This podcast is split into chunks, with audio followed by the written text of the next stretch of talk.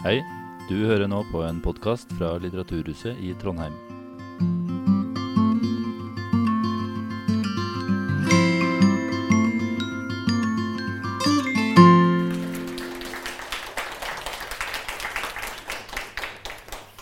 Hei. Vi er, uh, vi er Litteraturhusets uh, kritiske panel. Vi skal stille spørsmålet 'Men er det bra?' Og det skal vi gjøre i anledning NTNUs litteraturpris, som denne gang går til sakprosa, og som eh, har klart å eh, hente ut fem bøker av det som jeg har forstått har vært en langt større bunke. Og vi eh, skal ta for oss disse fem bøkene i tur og orden på 45 minutter. Jeg vil anta at vi kunne snakket veldig mye lenger om de.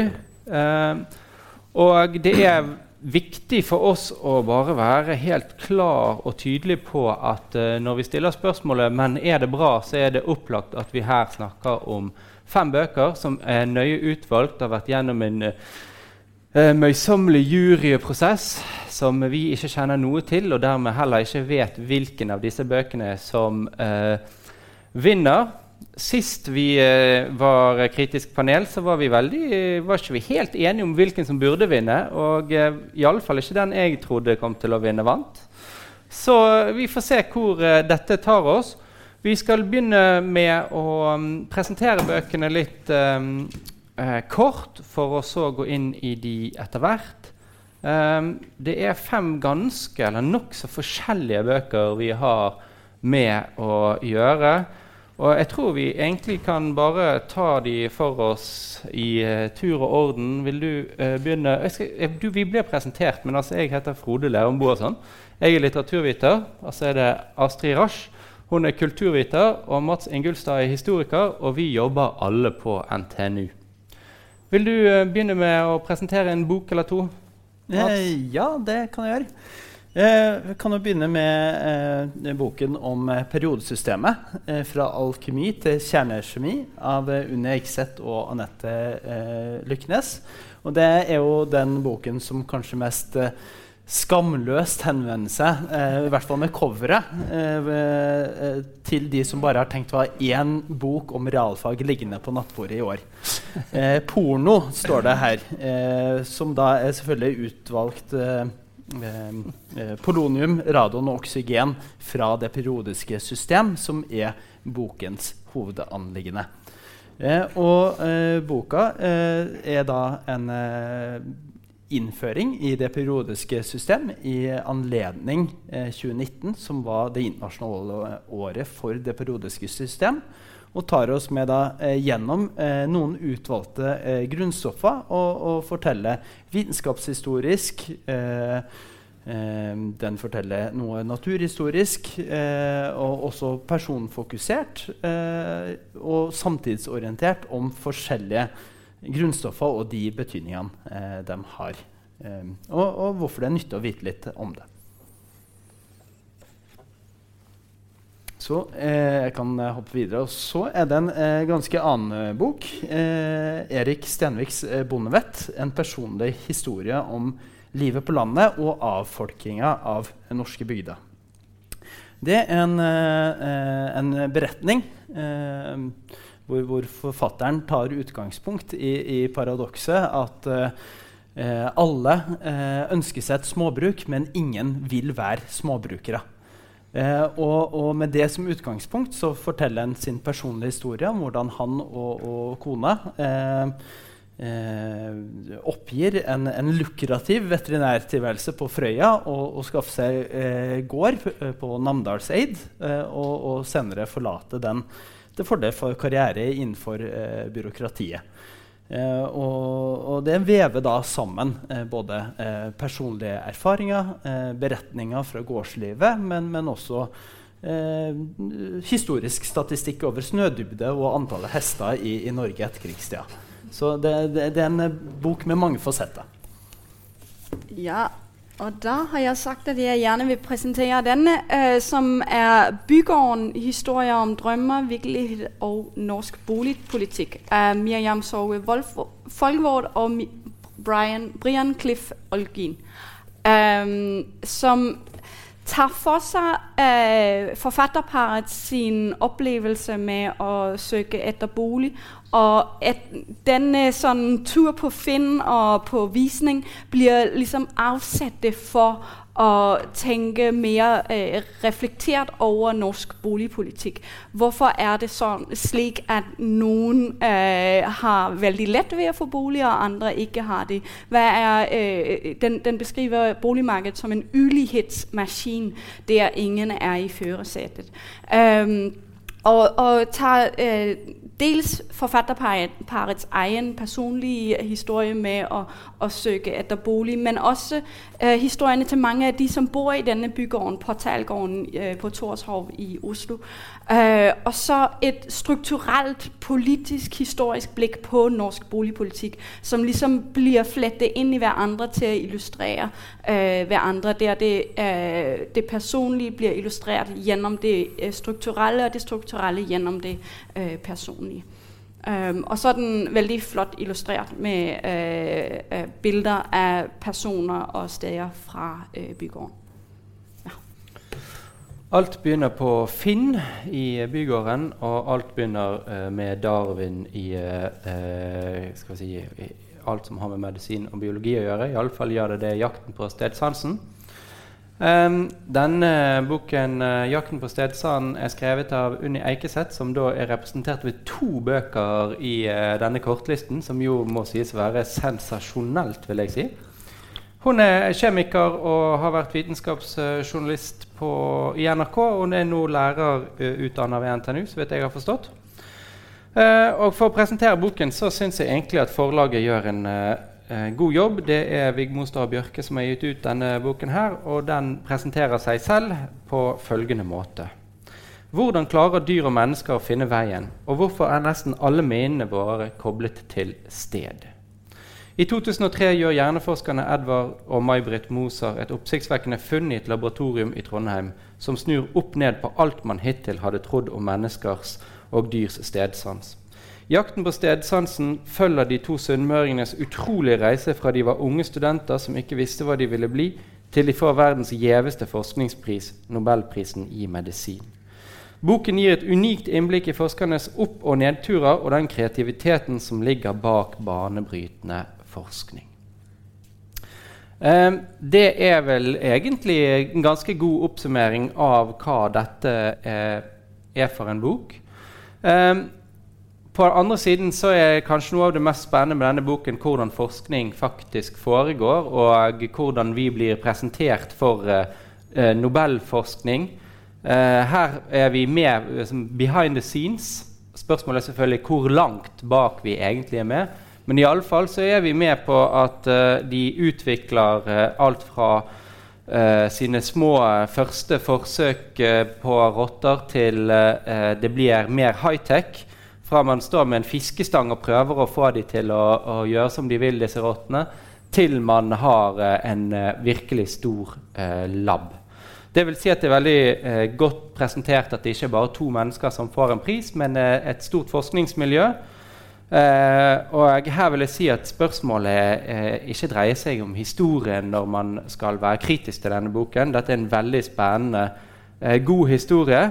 Men det går an å, å, gå inn i denne boken med hva er det vi ikke får presentert. For det vil jeg jo si at det ligger mange ting her som Kan det nå ha vært en så det var, det var jo noen utfordringer, men likevel var, de, var ikke de større enn det. Det tror jeg at det har vært eh, en rekke ting som, som, jeg skulle gjerne hørt mer om eh, i denne boken her. Hjelp, vi er i EU, den franske venstresidens uløste dilemma er en nokså annen uh, bok, skrevet av Ingrid Grønli Aam, som er journalist i Morgenbladet og har vært det i Klassekampen. Uh, og denne boken tar for seg den uh, franske venstresiden Vi kan jo være litt Når er det den egentlig tar for seg den franske venstresiden? Er det fra 1970 eller er det fra 2000? Men iallfall så er hovedtrykket her på, fra 2005 og frem til i dag. Eh, de siste tiårene av fransk eh, politikk blir eh, lagt i søkelyset til oss som leser. Og særlig da venstresiden, med et fokus på EU. Eh, fransk politikk har endret seg drastisk i den perioden vi snakker om, de siste 20 årene i alle fall. Og eh, det som blir presentert her, er hvordan eh, de tradisjonelle eh, grenseoppgangen i politikken med venstre-høyre blir stadig mer splintret, og at uh, venstresiden i Frankrike forsøker å eh, finne seg sjøl på nytt. Eh, I stedet for en eh, nyorientering så lager man, eller nye partier i begynnelsen, så lager man bevegelser og prøver å redefinere hva venstresiden er. Så kommer vi frem til uh, Jean-Luc um, Mélenchon og hans ukuelige Frankrike. Og Det er hovedsporet etter hvert i boken, hvordan eh, denne rabulisten og populisten Melanchon utvikler en ny bevegelse så å si, på den franske venstresiden og hvordan eh, problemet for den franske verdens venstresiden kan ses gjennom et prisme som handler om skal vi være med i EU. På hvilken måte skal vi være med i EU? Og Derfor er også undertittelen her 'Den franske venstresidens uløste dilemma'. Ifølge Aam så står fransk venstreside i et uavklart forhold, i en spagat mellom det å være i EU og det å uh, skulle bryte med EU og kunne reformere EU, eller uh, hvordan skal man egentlig gjøre det, uh, det blir lagt frem. Og det er sånn som man har gjort det, i hvert fall ifølge Aam, så har det tatt livet av sosialdemokratiske, eller det sosialistiske partiet i Frankrike fra å ha president til å ha 4,5% av stemmene. Så eh, det her snakker vi om et stort og eh, uløst dilemma.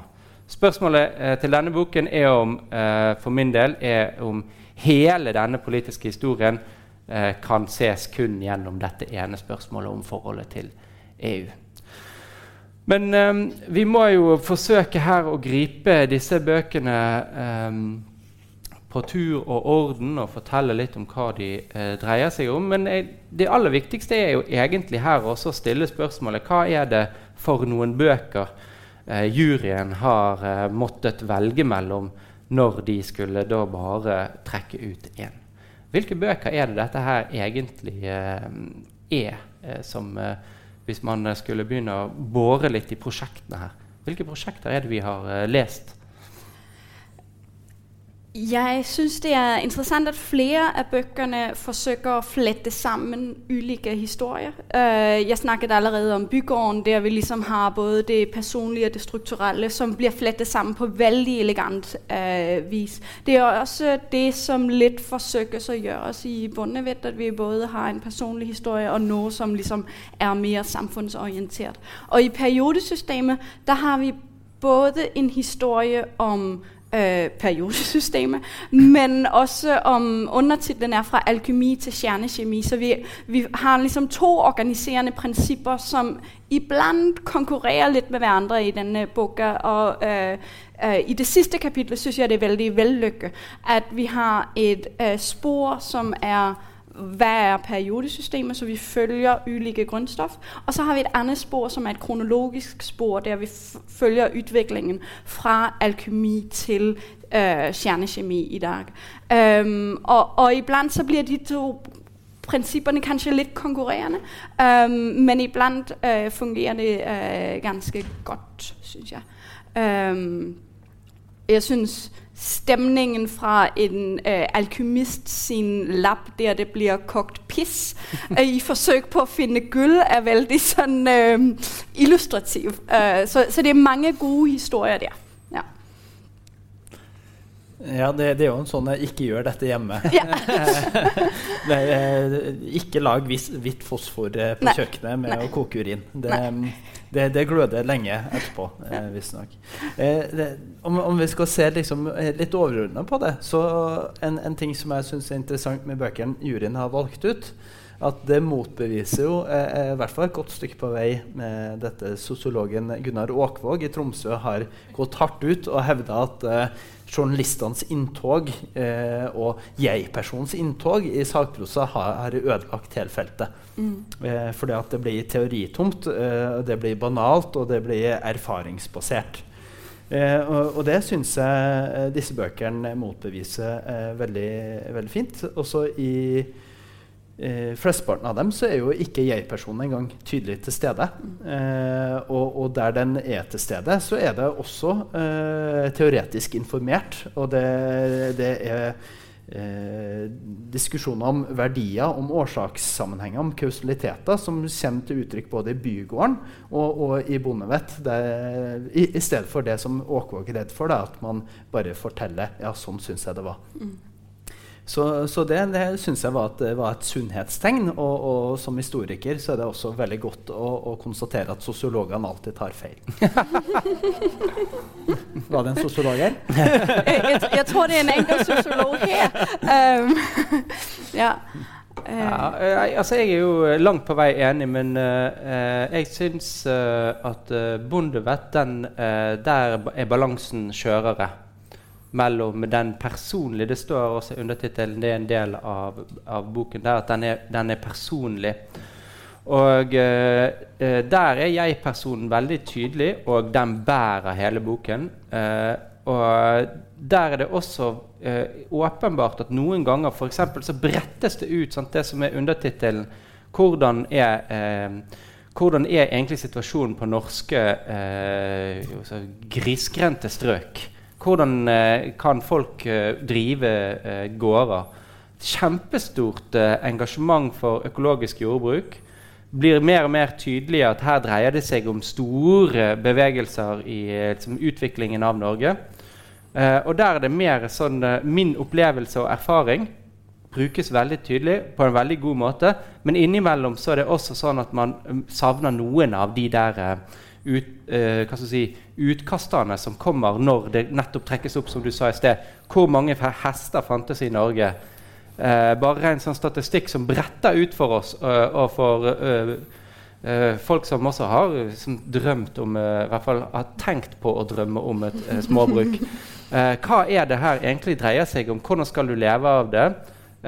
hvordan, og det, Noe av det beste her er kritikken av selve si, det som blir Bonde- og Småbrukarlaget eh, kritikk av den store bondeorganisasjonen og den, det industrielle jordbruket. Mm. Den linjen i boken er virkelig gjennomgående, sånn som, sånn som eh, du beskriver. Da ikke et personlig jeg som står i veien. Men noen ganger når du ser tilbake igjen, så synes jeg at den, der, der, er det noen trekk som, som eh, balanserer skjørere enn i Bygården f.eks. Men der er det også mye mer investert i det prosjektet mm. som er å, å, drive frem. Hva er det egentlig som har skjedd i min levetid? Hvordan ser Trondheimsområdet og Norges uh, ut hvis vi løfter det opp fra et uh, jordbruksperspektiv? Og det er jo uh, deprimerende lesning på en veldig si, Man blir jo litt aksjonistisk av å lese boken etter hvert. Ja. Um, og jeg vil faktisk si at med hensyn til det personlige, så syns jeg det var litt for lite personlig i uh, denne. Uh, og, og, jeg får liksom fornemmelsen av at moserpart er noen som har brukt hele sitt profesjonelle liv på å holde unna pressen sine uh, spørsmål om hvordan er det å være i et parforhold når man også er forskerpar og sånn. Og Uni Eikeseth forsøker å komme så vidt kanskje litt lenger inn, men vi får fremdeles ikke riktig fornemmelsen av hvordan er det faktisk, uh, også for resten av en forskergruppe, at det er to der som er et ektepar. Uh, hvordan påvirker det liksom forskerdynamikken? Det hadde jeg syntes var skikkelig spennende. Hvordan påvirker det et parforhold hvis den ene får publisert noe der den andre ikke gjør? Sånn, vi har litt konkurranse hjemme, kan jeg si, om hvem som får publisert mest. og sånn. Det kan godt kanskje skape spenninger, tenker jeg. den slags. Og så får vi inntrykk av en bok der arbeid-hjem-balansen er ta hjem med på arbeid. Og det blir det kanskje ikke stillet så mange uh, kritiske spørsmål til. Hvordan er det uh, å ha spædbarn med på jobb, er det problematisk. Um, så, så, der hadde jeg gjerne tenkt meg en mer journalistisk tilgang, hvis, hvis man kan skille mellom sånn en faglig uh, presentasjon og en journalistisk. Og så vil jeg jo si at uh, Etter erfaringer med um, å forsøke å forske under koronanedstengninga med små barn i huset, så er jo bare bare at de evner å få det til, er jo mm. helt, uh, ja. ja. det er helt uh, komplett uforståelig. Ja. eh, men, men, det som da kommer fram, men kanskje litt mer indirekte da, i jakten på stedsansen, det er hvor drevne historiefortellere Moser-paret er.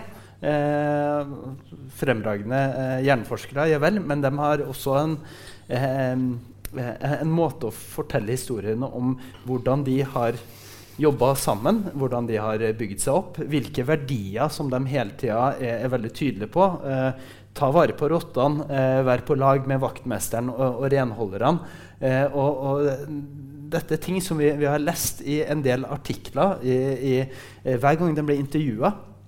Eh, og, og, det eh, gjenspeiles også veldig tydelig i, i denne boka. Eh, så, så eh, jeg, jeg, satt og, og både var, var, imponert over hvilken kontroll de har over sitt eget narrativ, eh, dette mm. ekteparet. Men jeg skulle også ønske at uh, her kunne eh, det vært en tydeligere jeg-person, eh, også Unni, en tydeligere Unni som gikk eh, nobelprisvinneren litt på klingen og sa ja, men, men hva er det egentlig du sier nå? Og, og, og, og, var det egentlig alltid så harmonisk? Nå mm. er det sikkert ikke oppskriften på å få nobelprisvinneres tid, men, men, det er noen ting som man, man, man sitter og, lurer på. Ja. Ja, det. ja, men det er også øh, øh, Det hadde gjort at boken hadde fått noe mer konflikt, eller noe mer eh, altså det, det, som bærer boken nå, det er Kommer de til å klare forskningen? Hvordan, hvordan vil forskningen utvikle seg? Vil dette, og det vet vi jo at det går bra. Det, det, det står jo her at det er liksom en, en bok som handler om hvordan man får Nobelprisen så har det skapt noe mer eh, si, konflikt i bokens eh, narrativ eller fortelling. Da. Eh, akkurat å gå litt mer inn i både problemene de møter underveis, og at man jo åpenbart vi, vi, jobber jo alle på universitetet. Det, du ser at det finnes noen konfliktlinjer som må ha vært her, og som man kunne gjort mer ut av.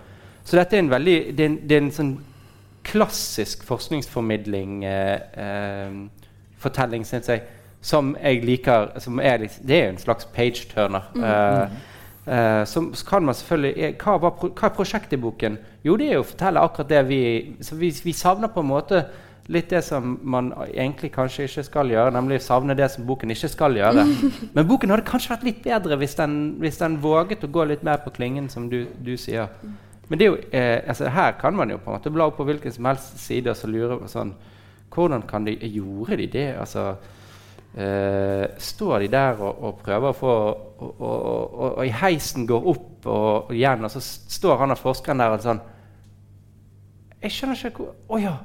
Jeg er kommet i feil etasje. Og så tenker han dette er akkurat det jeg har lyst til å forske på. Her er noe med sted. Jeg kjente ikke meg igjen. Hvordan fungerte hjernen når heisdøren åpnet seg et sted hvor jeg ikke visste hvor jeg var? Dette må jeg gå ned igjen. Dette, dette forsøket må jeg gjenskape til rottene. Og Dessuten så minner det meg på eller, rekkefølgen her, at hvis du våkner slumrer liksom på et hotellrom, og våkner så se, Hvor er jeg henne? Og så går det litt tid, så finner du ut hvor du er henne. Og det må jeg gjenskape på, på laben. Hvordan kan vi få rottene til å liksom komme i den der Hvor er jeg henne? Jo, du må endre litt. Du må slå av lyset, så må du endre litt på omgivelsene. Og så skjønner rottene at jo, jeg er litt samme sted. Og da, noen, eh, da, da, liksom, da kan de gjøre det de er ute etter. Og den type ting er jo liksom dette er jo Er det så enkelt å forske? Men det er jo så, det er jo så briljant å bare oh shit! Ja. Uh, så da sitter man virkelig og spiser. Uh, og ja, det, det, er virkelig gøy lesning, da. Noe jeg liker godt ved denne boka, er også at den løfter frem uh, forskning som noe som ikke blir til bare ved altså Mozart er hovedpersonene, men forskningen blir til i samspill mellom også forskning som foregår i USA eller på andre plasser der det er sånn øy, nu er det nogen, som har gjort et fund, og det kan vi bygge ovenpå. Så denne sådan, at stå på skuldrene af giganter-følelsen kommer øh, virkelig frem i den bog, synes jeg. Ja, uh, og så er det jo uh, jeg, skal ikke si en, en, en, en helt eller antihelt også, som av og til kommer litt til orde. Det er jo en sånn slu dekan som systematisk jobber for å gi dem gode vilkår for å forske også. så det, det, er jo det er jo kanskje det vi som er litt yrkesskada ved å jobbe på universitetet, også føler det har en sånn klangbunn. da. Men, men, når det gjelder å fortelle sånn, hvordan, er, hvordan skjer denne forskninga, Eh, det er litt som Bondeveit, også hvordan drive en gård. Det, mm. det er mange, mange, ting som du har lurt på, men har vært litt redd for å spørre om også. Ja, det, noe av det nydeligste i bondevett sånn, er jo rett og slett eh, hvordan skate på en gård.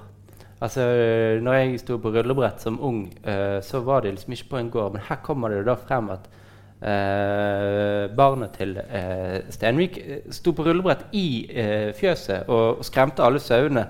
Eh, og det er sånne nydelige ting som eh, du jo åpenbart får av å, å, å, måtte finne på hvordan skal jeg ha en såpass urban syssel som å stå på rullebrett. Jo, jeg må gjøre det inne hos sauene, men det hadde noen konsekvenser som han ikke fikk vite om før flere år etterpå. Um, men det er veldig forskjellige bøker vi har uh, med å gjøre. sånn vi, trenger kanskje, altså no, vi skal ikke ha noe tvingende at vi må sammenligne de, men de alle tar for seg et, et felt så å si. Uh, og, og, presenterer for oss sånn uh, ganske pedagogisk, men også liksom bårende. De skal et sted. Eh, vi, på, vi, vi, skal her. Hjelp, vi er i EU. Vi, eh, det, det, her er jo egentlig, tenkte jeg eh, i utgangspunktet liksom, Dette er en bok til eh, norske lesere utelukkende handler om at den franske venstresiden har et uløst dilemma. Uh, handler, den, det, den, er ikke egentlig skrevet til oss. Den er, gå, den er egentlig skrevet til den franske venstresiden, uh, på et vis. Uh, og den gjør, den gjør, likevel en veldig sånn enkel forklaring på hva er det som er problemet på venstresiden. Og det er jo ikke bare den franske venstresiden som her løftes opp, men den europeiske venstresiden som, som står i hjelp. Men det er kanskje ikke så mye for alle vi er i EU. Ja. Eh, jeg tenker jo at det er et uh, sunnhetstegn uh, for, uh, for, norsk offentlighet at et bokprosjekt som, som, virker ganske snevert, kan pitches og så faktisk bli, bli utgitt. altså, ja, hva, skje, hva, rører seg på fransk venstreside? Det er det, det, er et smalt tema, det tror jeg vi kan være gjennom, i hvert fall i, i trøndersk offentlighet. og Eh, og, og, og, sånn sett så er jo det et ganske vellykka prosjekt, syns jeg. For at det blir den, den starter med litt sånn store eh, strukturelle eh, sveip gjennom historien. Altså hva er egentlig Frankrikes relasjon til EU eh, siden Mitterrands uh, U-sving eh, i, i, fransk politikk begynnelsen av 1980-tallet? Eh, og så zoomer den inn, og så blir det da en, en, slags eh, valgkampfortelling eh, om, om, hvordan de ukuelige på fransk venstreside som, som en gruppe forsøker å mobilisere eh, det engasjementet og den energien som ikke har noe naturlig utløp når Sosialistpartiet egentlig klapper sammen. Og det, eh, bare det å kunne lese en sånn detaljert valgkampanalyse eh, som ikke har Donald Trump inni seg, er utrolig forfriskende og, og godt. Eh, Melanchon er, er, er, åpenbart en person som også har eh, noen sånne karaktertrekk som gjør at han kanskje er greiest å, å, å ha på TV. Eh, og ikke, ikke, i sofaen. Men, eh, men, men, det er i og for seg et prosjekt som, uh, som fortjener honnør, og som er veldig spennende å, å, følge med på. Det jeg lurer litt på eh, i, i, i, den boka, eh, er om ikke den havner litt sånn i den samme spagaten som den franske venstresida selv. Altså Du har dette EU som er det store svevende der ute. Det er en, en slags sånn strukturell betingelse som man må forholde seg til på en, på en måte. Eh, og, og, så blir det litt, u, litt uh, uforløst, uh, og, og, forfatteren skriver det også selv, uh, sånn rundt side 190, at hvordan EU kan eller ikke kan være en slags plattform for å føre en mer aktiv sosialt orientert politikk, er, ligger utafor bokens ramme. Og det er jeg ikke helt sikker på. snarere så er det tvert imot det som er eh, bokens underliggende spørsmål. Og så er det mulig å tenke seg et EU som er noe annet enn et markedsorientert prosjekt. Og det er ikke gitt at det skulle bli sånn. Eh, vi som er oppvokst etter enhetsakten og, og med vekst- og stabiliseringspakten og Eh, vi, vi, tar liksom for gitt at EU skal forvalte en, en, slags måte å drive politikk på som er veldig, veldig tysk. Den, vi skal ha stramme budsjetter, vi skal ha Eh, la, eh, lave bud, eh, budsjettunderskudd og osv. Det og, og det er ikke sånn franskmennene tenker omkring økonomisk politikk. og det, den, den, konflikten mellom den tyske måten å tenke på, den franske måten å tenke på, og det som egentlig også er en historisk konflikt om før og etter eh, sammenbruddet av det kensianske paradigmet for økonomisk politikk, det ligger der under. Eh, men eh, Eh, men boka går ikke liksom eh, Den greier ikke å lande det, og det, det ville vært utrolig mye å forvente. eh, men, eh, men, jeg skulle gjerne sett litt mer om det, for det, det handler om de strukturelle betingelsene som former den franske venstresidens politikk og den handler også om eh, økonomisk politikk i hele Europa og vestlige verden. Men det er også noe av det som er med på å gjøre noe som er litt snevert, veldig relevant. At vi kan liksom se at dette er ikke bare franske venstresider sitt dilemma. Det er mange europeiske venstresider sitt uh, dilemma. Og uh, Mélenchons uh, bevegelsesutfordringer med å få på plass en demokratisk bevegelse. Det er også noe som mange andre øh, bevegelser som liksom prøver å retenke hva er et, øh, et, politisk parti. Hvordan kan vi være noe annet enn det? Her øh, blir øh, de demokratiske fallgrupene veldig øh, utstille. Hun viser liksom at øh, det kan være mange idealer om at det er bare liksom helt horisontalt, men faktisk er det ganske få som har makten i øh, det partiet, så, så, det blir mindre demokratisk av det. Så jeg syns den løfter fram ting som er relevante, ikke bare for fransk venstreside, men, men i det hele tatt. Det, det, slår meg nå at et uh, fellestrekk ved flere av disse bøkene, eh, med Bondevett, ved hjelp ved, eh, i EU og også Bygården, eh, er altså, det at vi alle fortsatt lever, lever med ettervirkningene av den blå bølgen som skjøt inn eh, over eh, europeisk og, og, atlantisk politikk på, på 80-tallet. Eh, og den lurer på om ikke eh, Stenvik kanskje har en følelse av å ha blitt mer i takt med tidsånden etter hvert. For det er jo mange av de fenomenene han, han beskriver, de tankene som har blitt mye mer mainstream nå enn de kanskje var på begynnelsen av 1980-tallet. Ja. Og det, det, det, er fordi at det her er uh, historien om hvordan du vil drive litt alternativt jordbruk. Uh, for, for, det første er dette historien om hvordan du har bare lyst til å bli bonde, og så etter hvert hvordan bonde vil jeg være. Og hvordan kan vi drive et jordbruk som er uh, i tråd med, med naturen. Uh, det er jo etter hvert liksom noe som vi uh, unge er opptatt av. Og da, er det én ting som jeg om ikke blir blitt provosert av, men i hvert fall litt sånn Pokker, men dette vil vi også. Uh, og det, står, det, er noe her innimellom som er sånn hva skal jeg si, Der man beveger seg fra den gamle tiden i denne boken, som ofte er veldig alt var, alt, var mye bedre før-holdning, ligger litt her. Og så viser det hvordan det har vært. Men så er vi på vei tilbake til et sted. Eh, og det er da det bondevett av tittelen her. Vil du unngå at noe går galt, er måtehold, forholdsregler og god planlegging til god hjelp. Når uhellet likevel inntreffer, gjelder det å bevare sinnsroen og finne en løsning. Du må improvisere og bruke de hjelperåder som er tilgjengelige. Kort sagt, ty til godt bondevett. Et mer moderne uttrykk for det samme, mer tilpasset den urbane virkeligheten i dag, er streetwise.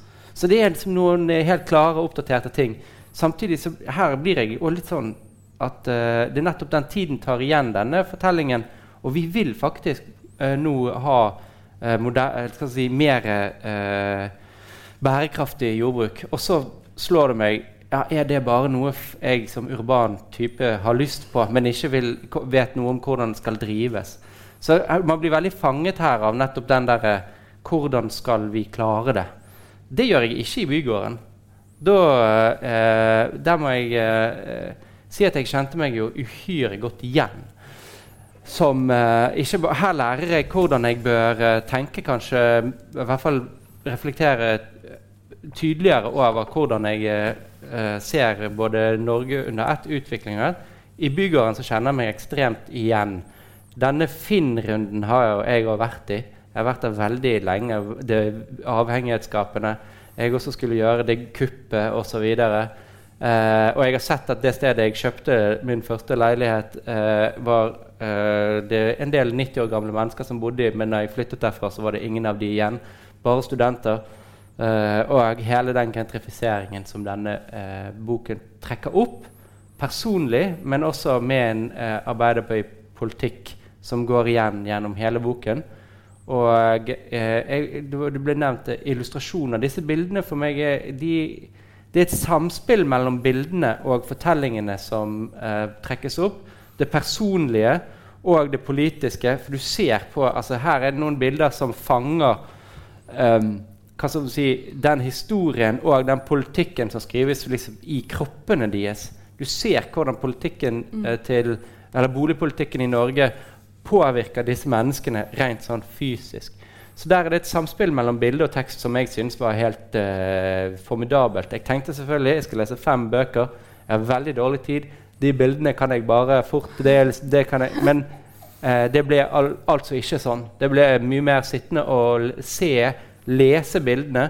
Og bla meg opp bak, så at der sto det noen forklaringer. Og så vekslingen mellom tekst og bilde var, var veldig elegant. Og så er det en fantastisk flott bok. Altså formatet, sånn nesten kvadratisk. Øh, rosa. Øh, jeg, jeg synes dette var Jeg ble helt glad da, jeg fikk den. Sånn Oi, skal jeg lese denne? Å, det blir, det blir fint. Um, men så syns jeg også det er noe veldig sånn respektfull og menneskelig over både øh, tekst og bilder.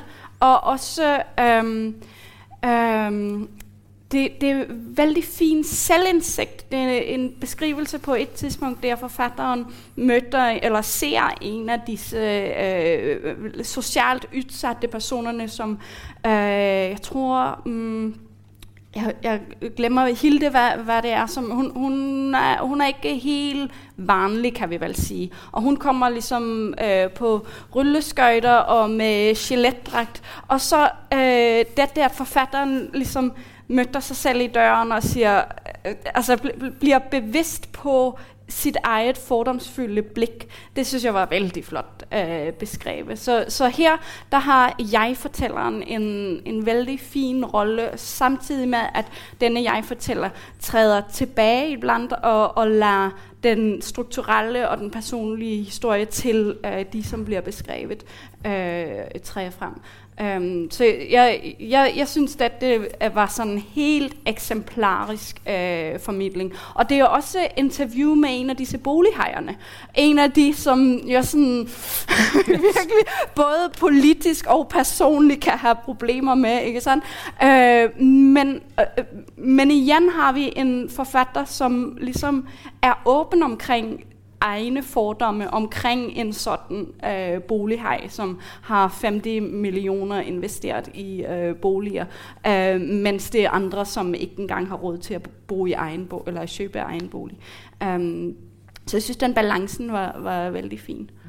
Ja, eh, der er jeg jo enig. Eh, og det, det er jo ikke det at det er fine, skarpe bilder som forteller mye, men også språklig så evner de eh, å, å, å tegne opp noen personer, noen typer. Vi vet alle hvem de er, disse eh, disse mannfolka med hvitt hår i 60 år med en sånn blå, eh, fornuftig jakke eh, som er lett fora, eh, og, og, som går på alle visningene, ser seg rundt og så skriver seg opp eh, øverst, og så kjøper leiligheten etterpå. Har alle møtt dem, og, dem, og, og vi kjenner dem igjen. Og, og forfatterne snakker med, med, med dem også. Eh, og lærer ting og, og, prøver å forstå hvordan de ser eh, boligmarkedet. Og, og, og, det er klart De ser jo eh, at eh, det er strukturer i, i eh, boligpolitikken som eh, jo rett og slett gir noen veldig lite optimale utfall.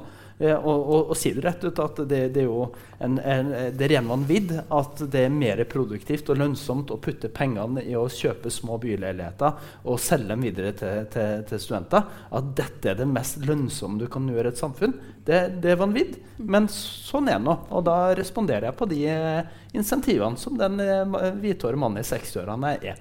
Ja. Eh, og, og, og, den blir også liksom manifest for en aktiv eller aktivistisk boligpolitikk. Altså Den slutter av med å si det trenger ikke å være sånn, og det bør ikke være sånn som det er. Det, det, det, det liker jeg godt. at den, Det er ikke liksom en Oi, det er leit. men, men, det er liksom beskrivelsen av det strukturelle gjør det også mulig å endre. Fordi vi ser hvordan det er endringer i lovgivning som har gjort at det er slik det er i dag. Og det trenger ikke å være slik. Nei, og selvfølgelig er uh, denne Oddvar da, uh, som kjøper disse leilighetene. Og da er det et regnestykke som er, ny, er bare liksom nydelig uh, gjennom hvordan han beregner hva hans kalkyler dette, De kjøper jeg, de kjøper jeg ikke. Og så kommer det da uh, rett og slett Du skal ikke gjøre mange søk på nettet for å se at det er en utbredt oppfatning at eiendom er lønnsomme greier. Slik tjener du penger på å investere i eiendom, melder Dagens Næringsliv. Bli rik på eiendom, kan smartepenger.no rådgi deg. Hvordan kom vi hit, og hva betyr det egentlig at såpass mange tjener penger på at andre bor? Det er spørsmålet. Og så boligmarkedet slik vi kjenner det i dag, tok form i Kåre Willochs regjeringstid fra 1981. På 1970-tallet skyldte bølge. Så kommer det her uh, intervjuet med Oddvar, som er jo uh, man kan, uh, det, det, finnes noen andre investorer som man kan bli mer irritert på. Men det her og bevegelsen fra politikk, historie, disse intervjuene og, og til det personlige at de er på jakt etter en leilighet, det er veldig nydelig sydd sammen. Og det er mest sånn for min del som jeg ble helt sånn, måtte ta en liten pause Uh, og så, så, er dette her uh, det, er dette, hva, hva, betyr dette? Og det er når de skal prøve å få disse somaliske kvinnene til å snakke med dem, og etter seks-syv måneder, eller jeg husker ikke akkurat hvor lang tidsperiode, så skjønner de at de har, de har, uh, disse har ikke ønsket å snakke med dette paret fordi de trodde at de var agenter fra barnevernet. Og da, denne verden må jeg jo innrømme at jeg ikke kjenner. Altså, Det virker også som det er en forbløffelse som går inn i boken som Hæ? Vi? Altså, Hvordan kan dere tenke det? Det er noe vi ikke helt eh, kjenner.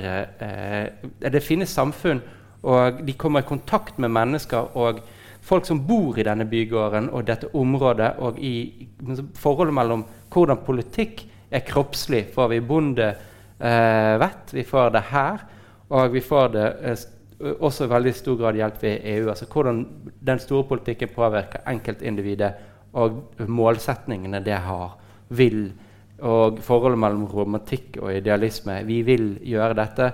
Har vi muligheten, og har alle muligheten, hvordan skal vi eh, få det?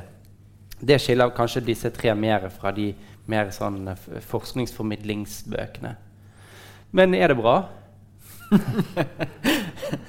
Vi er kommet dit i programmet nå at vi sikkert blir snart kastet av scenen. Uh, så er det bra. Eh, bra er det, men på hvilken måte er det bra? Eh, er jo kanskje et eh, Sleip omformulering. en, en, måte å gå, gå, inn i det på. og så for meg så er møtet med, med sakprosa handler mye om hvilke forventninger jeg går til boka med, og, og, og hva jeg kommer ut igjen med den andre enden. Eh, jeg kan jo eh, starte med å si at eh, jeg, var litt sånn skeptisk når jeg plukka opp Bygården. For jeg tenkte jaså, er, dette portretter fra skyggesiden? Og, og møter vi rusmisbrukere som, som, som, er spesielle mennesker, som har det, har det vanskelig? det er det også.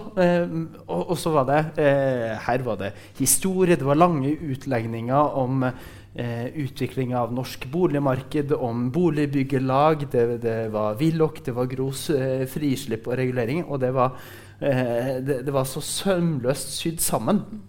Eh, og, og det, gjorde også at eh, disse skjebnene som vi møter i, i, i boka, trer fram og blir også eh, emblematisk for større strukturer i, i samfunnsutviklinga.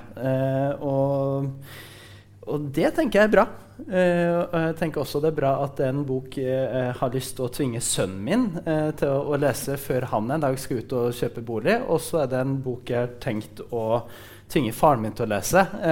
for at han skal forstå hvilken rolle han spiller i, boligmarkedet. Så, så, det tenker jeg det, det, det, er bra. Det er bra. Ja, jeg, er enig i det. Um, absolutt. jeg syns at peri i periodesystemet så hadde jeg ofte sådan en følelse av at denne historien øh, ville jeg gjerne ha brukt ti sider mer på. Uh, så, så, så, så, den er kanskje fanget litt i sitt format, at den skal bare være 150 sider. Og uh, hadde det vært 300 sider, hadde det kanskje vært litt mye om periodesystemet. Men hver enkelt historie kunne jeg gjerne ha blitt uh, med litt lenger.